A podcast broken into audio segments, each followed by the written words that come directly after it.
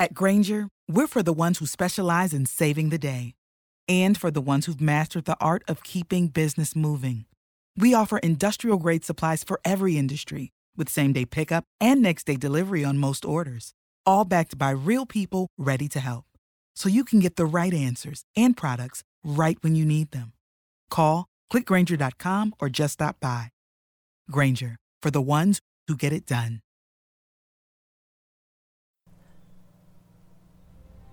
Fighting Through World War II, Episode 84 Canadian Lance Corporal David Johnson. More great unpublished history. It seems proper that some of the circumstances which I witnessed during World War II should be recorded. Those brave Canadians who did not return to their beloved Canada will have no testimony the sergeant asked for volunteers to help lay tape to mark out lanes for the tanks where the engineers had swept for mines. I said, Count me in.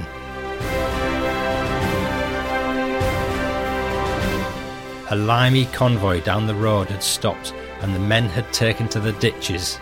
It then moved up to me, and an officer said, Corporal, we're going to set up in this field.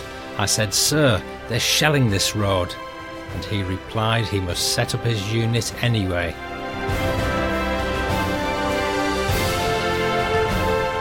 I remember Christmas Day on the Moro River. We dug in, and as usual, I dug an extra deep slit trench. All night Christmas Eve, we were shelled by German 88s.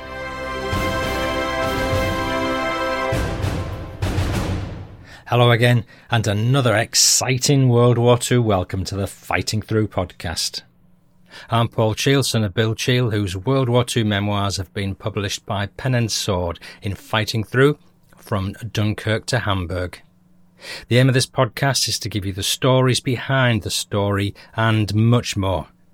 You'll hear memoirs and interviews with veterans in all the countries and all the forces. I dare you to listen. And hot on the heels of episode 83, this is a shorter bonus episode, so not so much of it, but it's quality, not quantity, that matters, eh? Don Cairo from Canada has been in touch, full of beans about a memoir he stumbled across. As we traverse the world of World War II, we've now arrived in Canada, and Don has kindly sent me a memoir by Lance Corporal David Johnson of the Canadian Provost Corps. At the start of the war, he joined the Seaforth Highlanders of Canada, trained on tanks, sailed from Halifax to Greenock in Scotland, and thence on to Europe. He lived a charmed life throughout the war, but by no means a safe one, and not unlike anyone who survived. He lost many friends in the Dieppe raid, and that's pretty much where his christening into battle began. That's Lance Corporal Johnson coming up shortly. A few survey comments now from Dustin Fisher. And Dustin said in the survey, so far my favourite episode is 26, the Zilkin letters. Dustin, yes, I agree. That's one of my favourites too. And I was re-listening to it just the other day and thought how much I enjoyed it. Of course, it's about two old boys reminiscing by letter, and I'm reading out some of the highlights from the letters from Fred Zilkin, thinking back to the War of the Green Howards.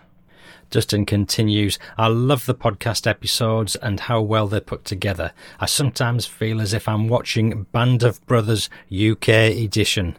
Good man, Dustin. It's funny, but um, that was never my intention, but it does seem to have evolved that way. I think we've all gradually got invested in the various characters who've taken on the roles of, of an epic cast in their own right. So if you listener are one of those people who've listened only to the later set of episodes, you're missing a treat in the earlier ones. Take a shufty at episode one and see what you think.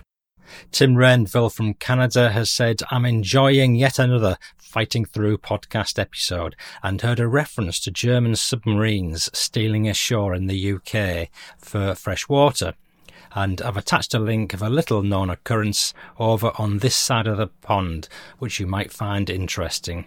And uh, the link's in the show notes, and the story's on Wikipedia, and here's just a, a summary of it. Weather Station Kurt, Wetterfunkgerät Land 26, I think that's 26, was an automatic weather station erected by a German U-boat crew in northern Labrador in the Dominion of Newfoundland, Canada, in October 43. Installing the equipment for the station was the only known armed German military operation on land in North America during the Second World War. After the war, it was forgotten until its rediscovery in 1977. So, what follows is about Weather Station Kurt, as we'll call it. In the Northern Hemisphere, weather systems in temperate climates predominantly move from west to east. This gave the Allies an important advantage. The Allied network of weather stations in North America, Greenland, and Iceland allowed the Allies to make more accurate weather forecasts than the Germans. German meteorologists had weather reports sent by U boats and weather ships operating in the North Atlantic. They also had reports from clandestine weather stations in remote parts of the Arctic and readings collected over the Atlantic by specially equipped weather aircraft. However, the ships and clandestine stations were easily captured by the Allies during the early part of the war. Data from aircraft was incomplete as they were limited in range and susceptible to Allied attack. Regular weather reporting by U-boats put them at risk as it broke radio silence, allowing the Allies to locate them and track their movements by radio triangulation. To gather more weather information, the Germans developed the Wetterfunkgerät Land WFL automatic weather station.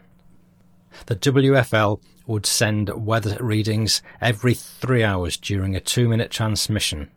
The system could work for up to six months depending on the number of battery canisters. On September the 18th, 1943, U-537, commanded by Captain Lieutenant Peter Schroyer, departed from Kiel, Germany, on her first combat patrol. She carried Kurt and a meteorologist, Dr. Kurt Sommermeyer, and his assistant, Walter Hildebrandt. En route, the U-boat was caught in a storm and a large breaker produced significant damage, including leaks in the hull and the loss of the submarine's quadruple anti-aircraft cannon, leaving it both unable to dive and defenceless against Allied aircraft. Some four weeks later, they arrived at Martin Bay, at the northeastern tip of the Labrador Peninsula. Schroyer selected a site this far north as he believed this would minimize the risk of the station being discovered by Inuit people. Within an hour of dropping anchor, a scouting party had located a suitable site, and soon after Dr. Sommermeyer, his assistant, and ten sailors disembarked to install the station. Armed lookouts were posted on nearby high ground, and other crew members set to repair the submarine's storm damage. For concealment, the station was camouflaged. Empty American cigarette packets were left around the site to deceive any Allied personnel that chanced upon it. One canister was marked and misspelt Canadian Meteor Service in order to simulate Canadian Weather Service as a German attempt to avoid suspicion if discovered. No such agency existed in Canada. The crew worked through the night to install Kurt and repair their U-boat. They finished just 28 hours after dropping anchor, and after confirming the station was working, U-537 departed. The weather station functioned for only a month before it permanently failed under mysterious circumstances, possibly because its radio transmissions were jammed. The U-boat undertook a combat patrol in the area of the Grand Banks of Newfoundland, during which she survived three attacks by Canadian aircraft but sank no ships. The submarine reached port at Lorient, France, on December the 8th after 70 days at sea.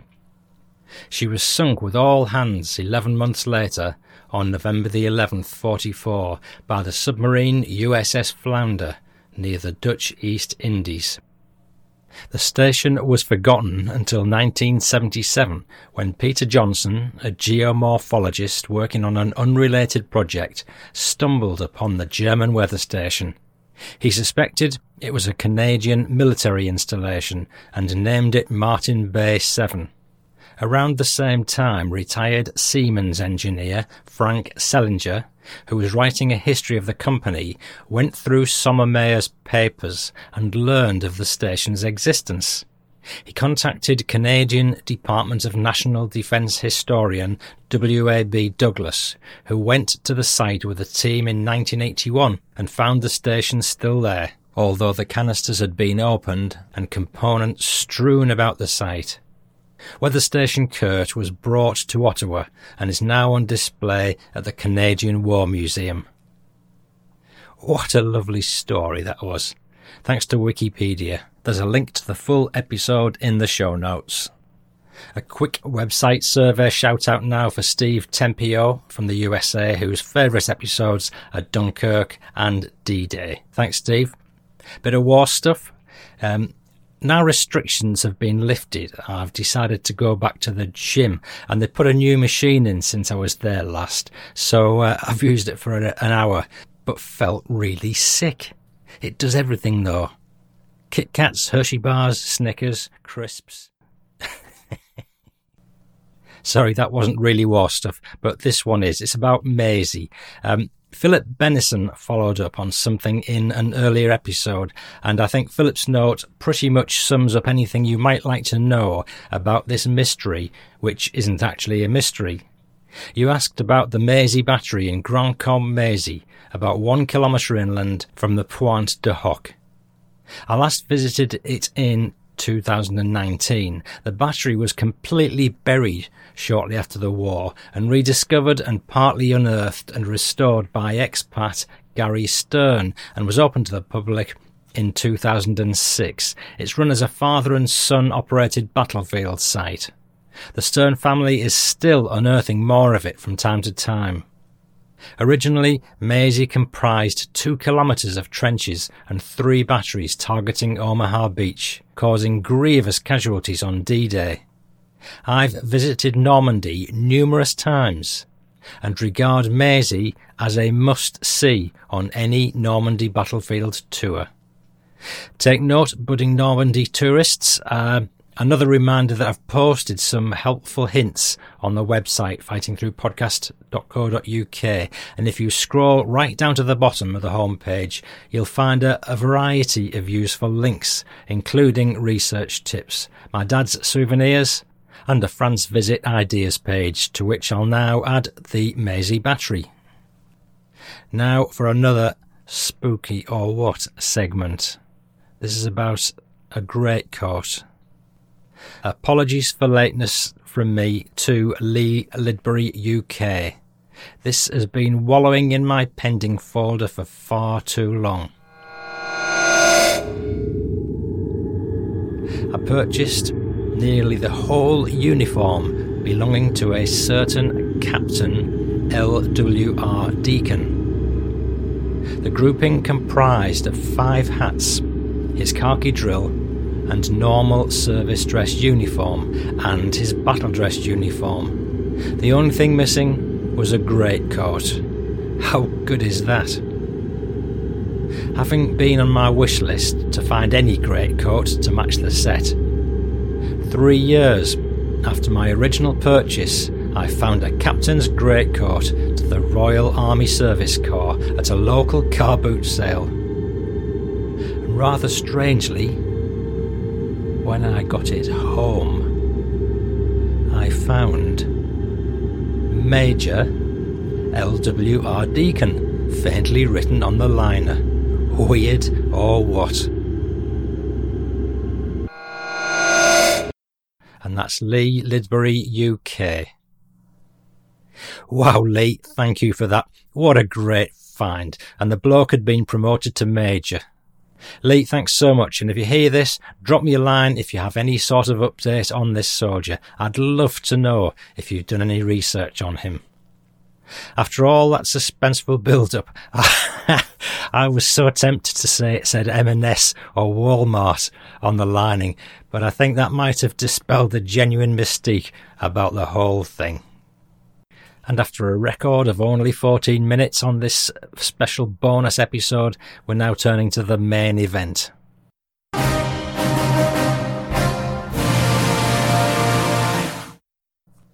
Dan Cairo's written in Hi there, Paul. I'm a fan of the podcast in Nanaimo, Canada. I've just finished episode 80 about the Dutch hunger winter. I loved all the episodes, especially ones with Wilf Shaw and your dad's account of the beaches at Dunkirk. After listening to episode 1, I just had to re-watch Christopher Nolan's Dunkirk movie as soon as I got home. A while back, I was painting this lovely elderly lady, Sandra Dahl's home. She asked where my accent was from. I say Zim. She says, Wow, far from home. I ask if she's ever been to Africa. She says, No, I've never left the country. I then asked where she was born. She replies, 1939. I instantly asked if she remembered anything about World War II. She says, my dad was in the war from start to end. How good is that? I said to myself. She gave me my own photocopy of her dad's memoir. Cheesy grin face. It's about Lance Corporal David Johnson of the Canadian Provost Corps. Just wow. How do I share all this with you? We've got the Lord's work to do, mate. Dan Cairo, Nanaimo, Canada. And if you need any painting done on the island of Nanaimo, Don is your man with Pride Painting. And that's my plug, not Don's. There's a link in the show notes. So if you want your painting done with a plum, get on the phone and ring Desperate Don. that's also definitely my plug. okay, get serious now. This is Lance Corporal David Johnson's memoir of the Canadian Provost Corps, and he's called it I remember. Now that I'm approaching my 71st birthday, it seems proper that some of the circumstances which I witnessed during the World War of 1939 to 45 should be recorded. First, that Canadians may not forget that generation of young men who voluntarily left homes and jobs and loved ones, that they might face the threat of Hitler's fascist hordes already on the march over Europe. Soon memories will fade, and we who are left will be as pieces of driftwood upon the shores of time. Those brave Canadians who did not return to their beloved Canada will have no testimony. I make haste to point out that I escaped being wounded. I never merited any decoration or special mention, and thus feel free to relate the following without any sense of having done anything noble. I was just there. I'm glad I came back, and I give thanks to God in preserving me through it all. Shortly after Hitler marched into Poland, Canada declared war on 10th of September 1939. Good boys, Canadians.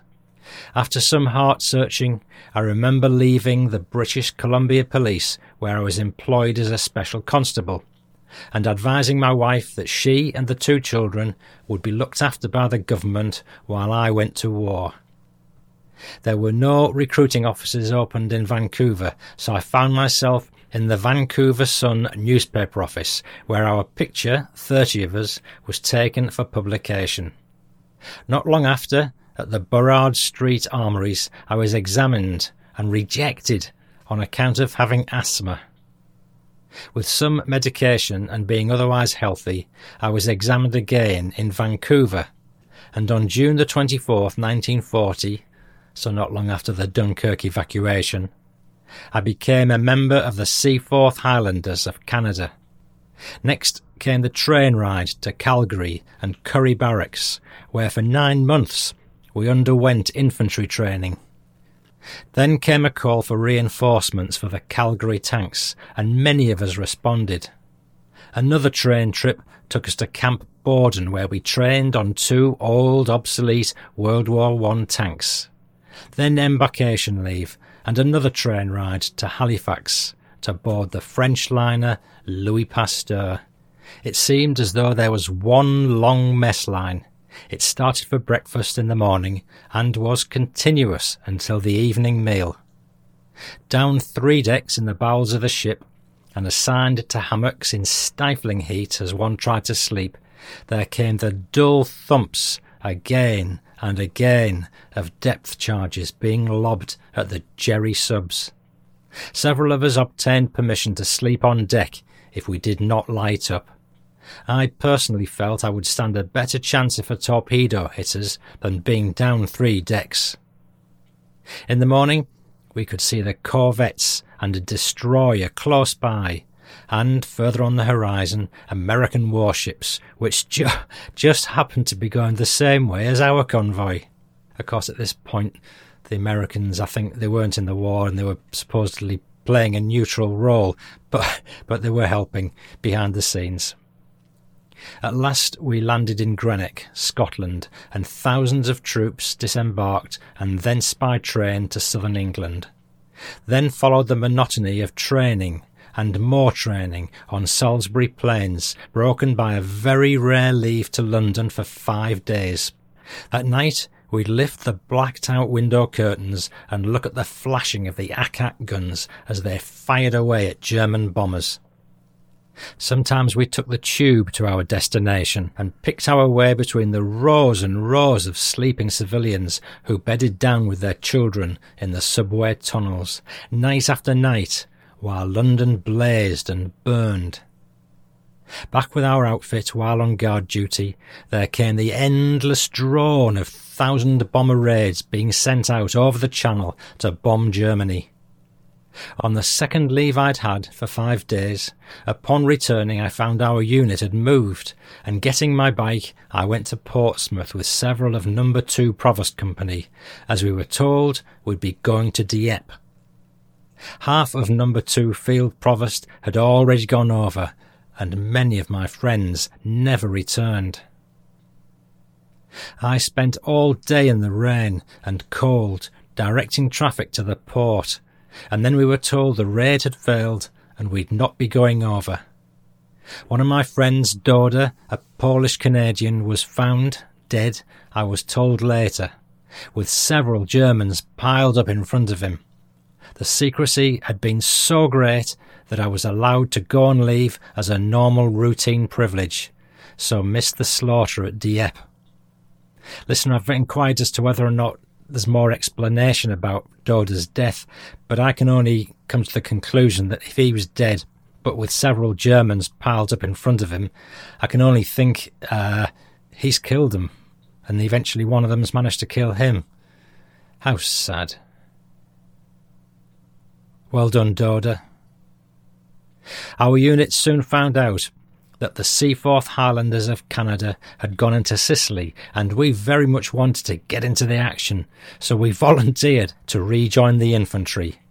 Finally, we were allowed to go, but on condition we would be sent as movement control to 1st Canadian Division Number 1 Royal Canadian Mounted Police Company. In the days that followed, we were sent to Aldershot and issued with Norton motorcycles to replace our Harley Davidsons. Later came a train ride and embarkation on an old Dutch ship, the Volendam. Blacked out, we approached Gibraltar, and across the waters we could see the lights twinkling across the Straits of Gibraltar, possibly Tangiers in North Africa. I remember well the slow trip across the Mediterranean in convoy, the heat and the very poor food on the mess deck, and finally our arrival at the port of Philippeville in North Africa. Our Tommy guns were too hot from the sun to touch with the bare hand. The Arab urchins crowded around, trying to buy anything for sale a broken watch, an army knife, etc. And finally, we were transported to camp. We drove past mountains of cases of canned goods and supplies stocked by the American forces. A week later, we had a day's leave, and several of us took our bikes and spent the day in Constantine, which I recall as an amazing French city, with roads carved into the sides of a mountain with a deep ravine. Camels wended their way in caravans with Arab men escorting women clothed in their traditional black flowing robes and veiled faces, but with their bare ankles displaying silver rings and jewels. Then came our time to move out from Philippeville after a week's stay, and we drove our bikes over shell-pocked roads to Bizerte, where we boarded a landing craft tank together with the other troops and started for Italy. An incident stands out in my memory. As we embarked, we passed some cases of canned goods, and somehow the boards of the cases came loose. I filled my saddlebags with several cans of loot and decided to find out later what I'd liberated. On our way across the operations centre, troops called on our provost section to search the troop kit bags to find where the liberated cans of food had gone. I diligently went about the task in a friendly manner and confessed failure. The soldiers knew well that we'd acquired the cans ourselves, but kept quiet. At last we landed in Italy at Taranto and drove by bike to near the front at Campo Basso. Later we billeted in a town called Castel Pignano.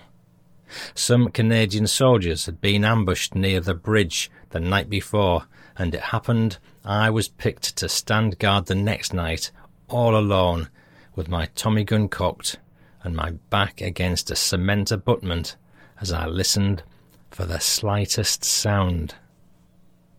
Not far from Castel Pignano, the Jerrys were lobbing in the odd boxcar shell from a huge railway mounted gun, and foolishly I went with some of my pals to see the anti tank unit dug in on a hill which was being shelled.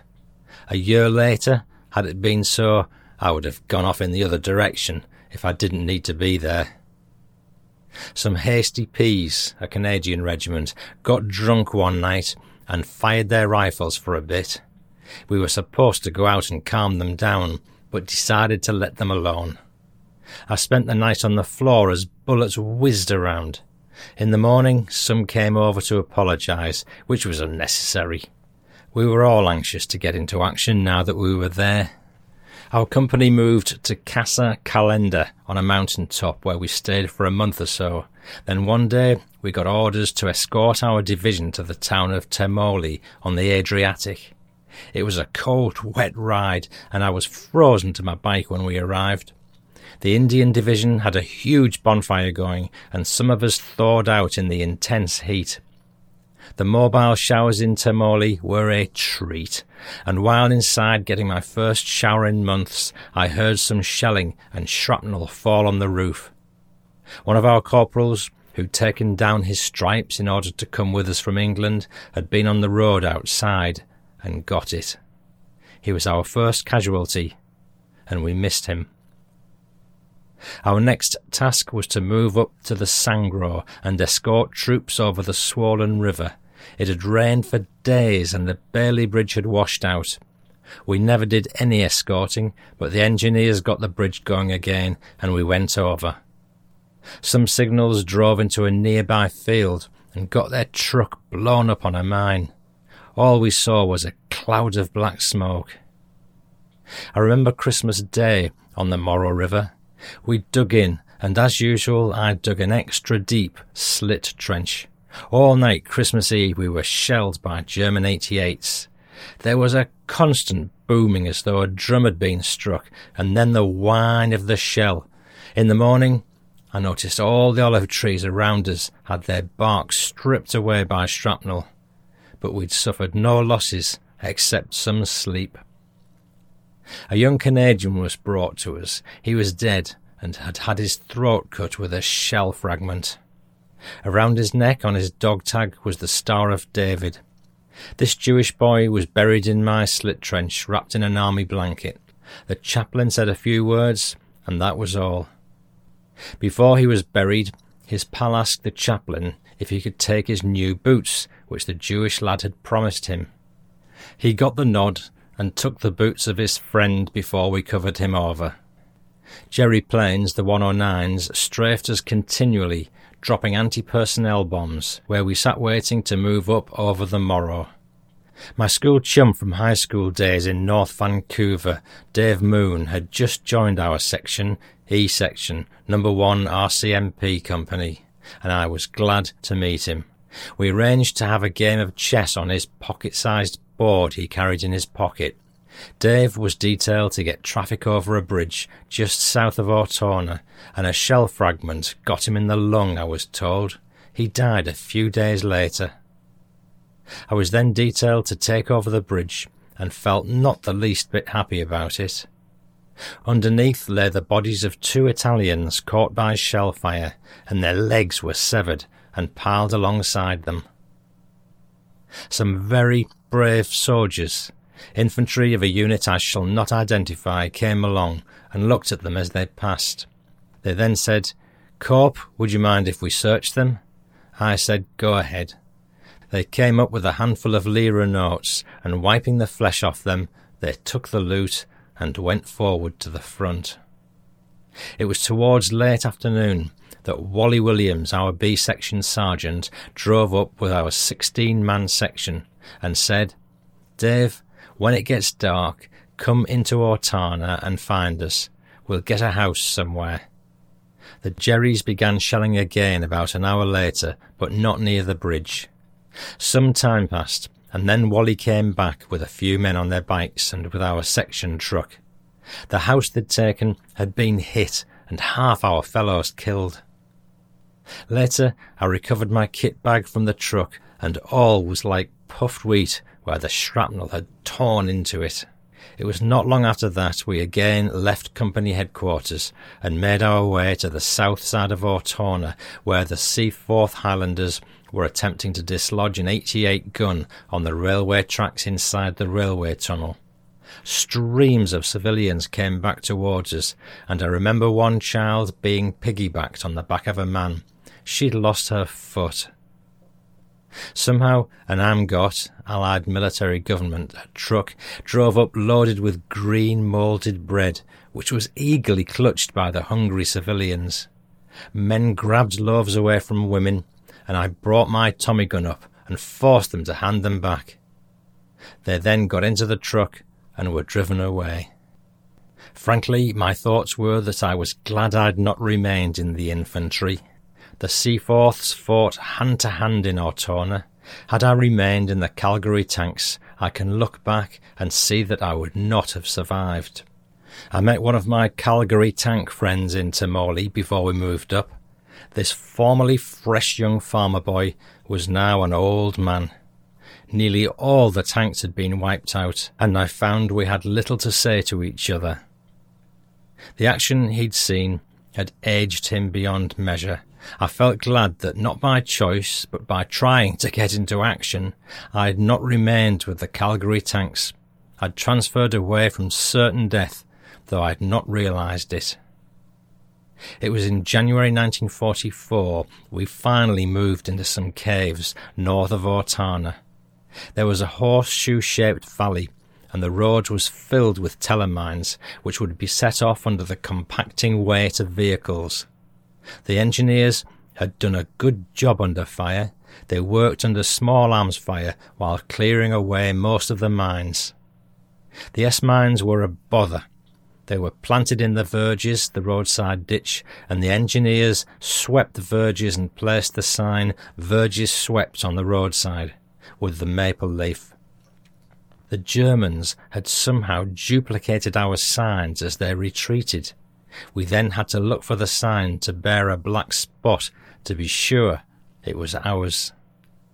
We spent weeks above Ortona with TAC Brigade just over the hill, where the Jerrys were about 2,000 yards away. Canadian mortar teams would set up by us and fire away, and then pack up and leave for healthier locations. Only a short time later, we would get shelled, sometimes with airbursts from which a slit trench gave little cover. I recall Lance Corporal Kasnuik was killed some time later, and we'd shared a cave together. Army photographers could not get past us because of the shelling, so while they waited for it to stop, they asked Krasnuik and me to pose for a picture of the two of us having a drink of tea. It was the most nervous cup of tea I ever pretended to drink. Listener, there's a photograph in the show notes of Lance Corporal David Johnson and Lance Corporal Kazniewicz, who was later killed. One night, the Limey 5.5 set up in the valley about 500 yards behind our caves. I'd been sleeping in a little tent alongside the road in front of the caves, which were stuffy. I remember each morning my pals would look over and say, Hey, Johnson, and good humouredly asked if I was alive. The nights I remember, when two of us would be on guard, and for one hour each stood guard while the other slept. Each sound seemed to be a Jerry paratrooper, and Tommy gun in hand, I'd wait to be ready to challenge with a password which was changed each night.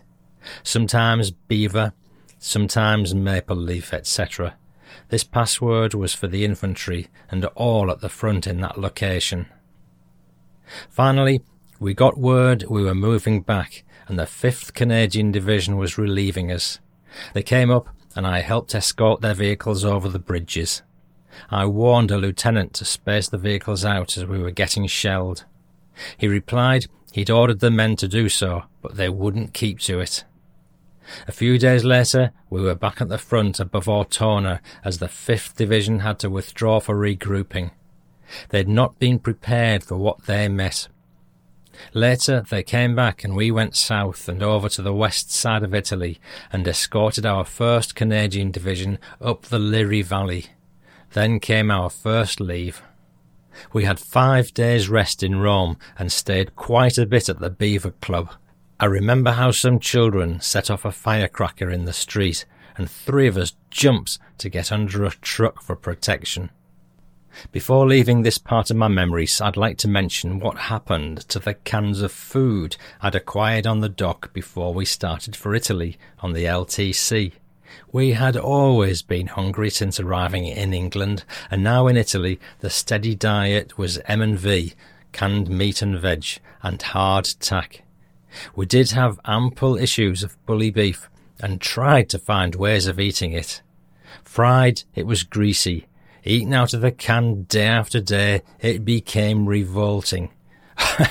oh, what a surprise when I opened one of the cans and found it contained canned chicken. Several of my friends and I shared this feast, which was undoubtedly issue for American troops. Listener, for those of you who've forgotten or never heard the late veteran Wilf Shaw's recipes for bully beef, here's a short clip I want to share with you from episode 28. What foods do you recall eating most the army. often? Yeah, in the army.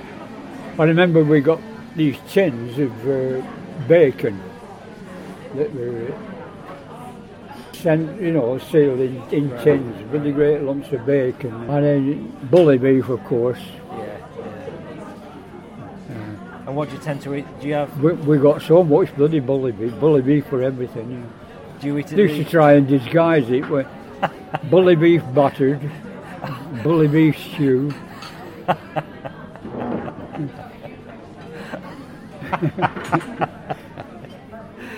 Oh dear. Do you eat bully beef now? Is that is it corned beef really? That, I remember that corned beef? how with Ginger Wrights, where was it? I forget where we were, I think we were up in Tunisia. And we're eating out of a mess tin, and all at once, Ginger pulls this out of his mess tin, and it was it was a bloody centipede, you know. Oh god. Yeah. That's that's not. That's quite good really, because if everybody wanted a leg, there'd be plenty, plenty to go around. Ah, Oh, thank you, Wilf. What I particularly found funny about that clip, apart from ob- the obvious with Wilf, was uh, how I just couldn't seem to get a word in edgeways with him. But um, as always with these veterans, if if they're speaking, I defer to them and keep my mouth shut if I can. If anybody wants to catch up on Wilf's exploits, there is a category to Wilf all for himself. So so click on episodes on the menu and you'll find all the categories, including Wilf. This is on my homepage, fightingthroughpodcast.co.uk, where of course you'll find all the photographs and the full transcript of the show. Back to David's memoir. I would like to mention how, when at Ortona, I was detailed to go to a crossroads at Lanciano, just inland. Taking my bike over a mud covered road, I arrived with instructions not to allow any troops or vehicles down a road which was under very heavy shell fire. A dead mule, which was rotting, was the well known signpost identifying this crossroads. Well, a short time later, a convoy came up to me and I stopped it. The lieutenant in charge told me to step aside as he had to get up front. I refused and told him he couldn't pass on orders from divisional headquarters.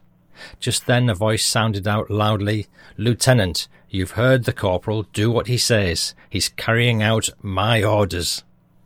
The convoy turned back down another road, and I looked to see a jeep, and in it was, I believe, his name was Burns, Brigadier Burns.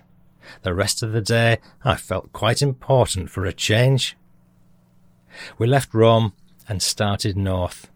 Our maps were marked with our route and destination, which was Lake Trasimene, south of Rimini. I was now with 5th Division Provost Company, as our section truck driver had failed to chlorinate the water, and I was sent to hospital with severe vomiting, diarrhea, and fever. It meant a week in hospital, a week of convalescence, and then assignment from the holding unit to a new outfit. I remember a young man sleeping with us in a very large tent, shooting himself. I awoke in the morning to hear he'd died. Another man in the tent was frantic when he heard he was being assigned to 5th Division.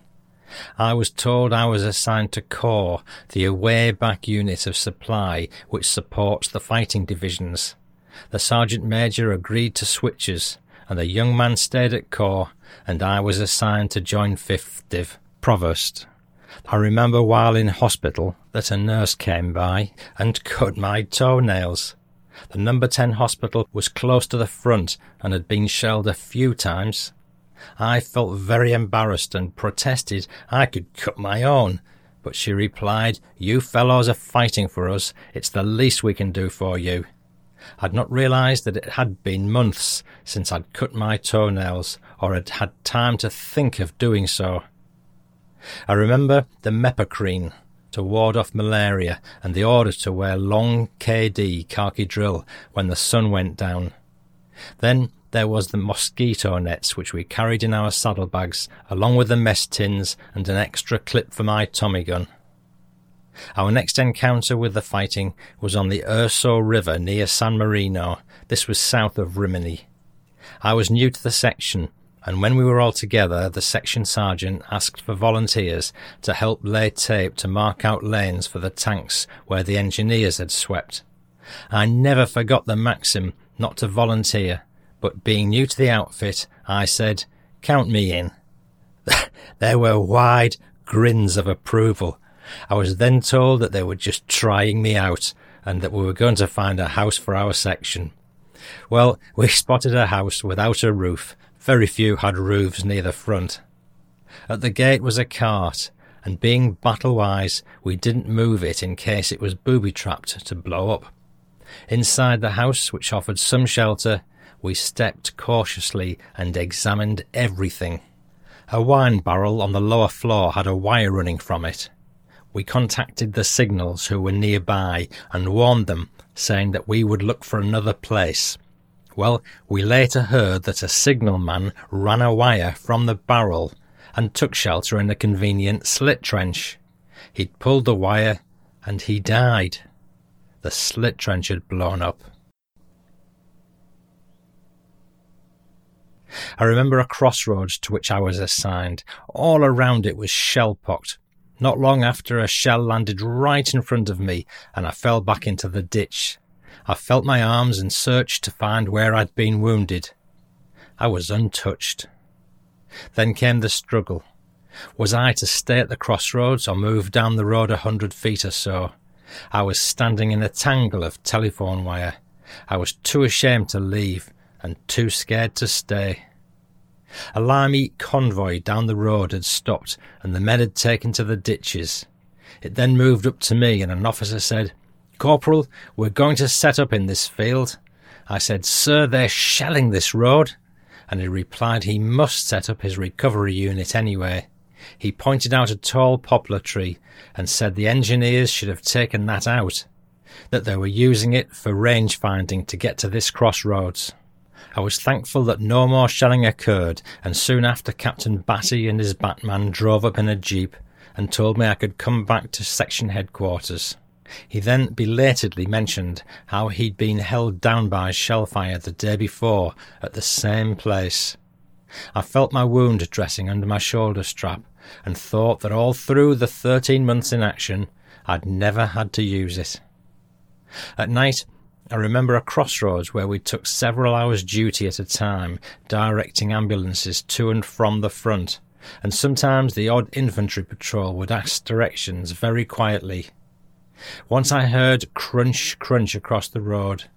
I got down in the ditch, though there was no sign that it had been swept. At last I couldn't stand the fear any more, and taking my Tommy gun, I charged across the road and prepared to fire on what I imagined was a German patrol. Oh, how glad I was to see a bullock or a cow which was munching on some fodder. How it survived without being butchered, I shall never know. I could have kissed it. Back at section headquarters, we always had a mouthful of rum ration to help us sleep an hour or so. In the day, I saw such bravery. From my vantage point on a crossroads, I could see Canadian engineers filling in a piece of road.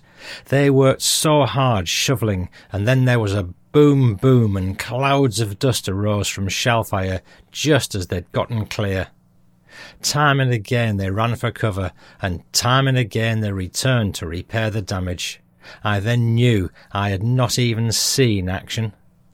I just happened to be there with many others, so many others.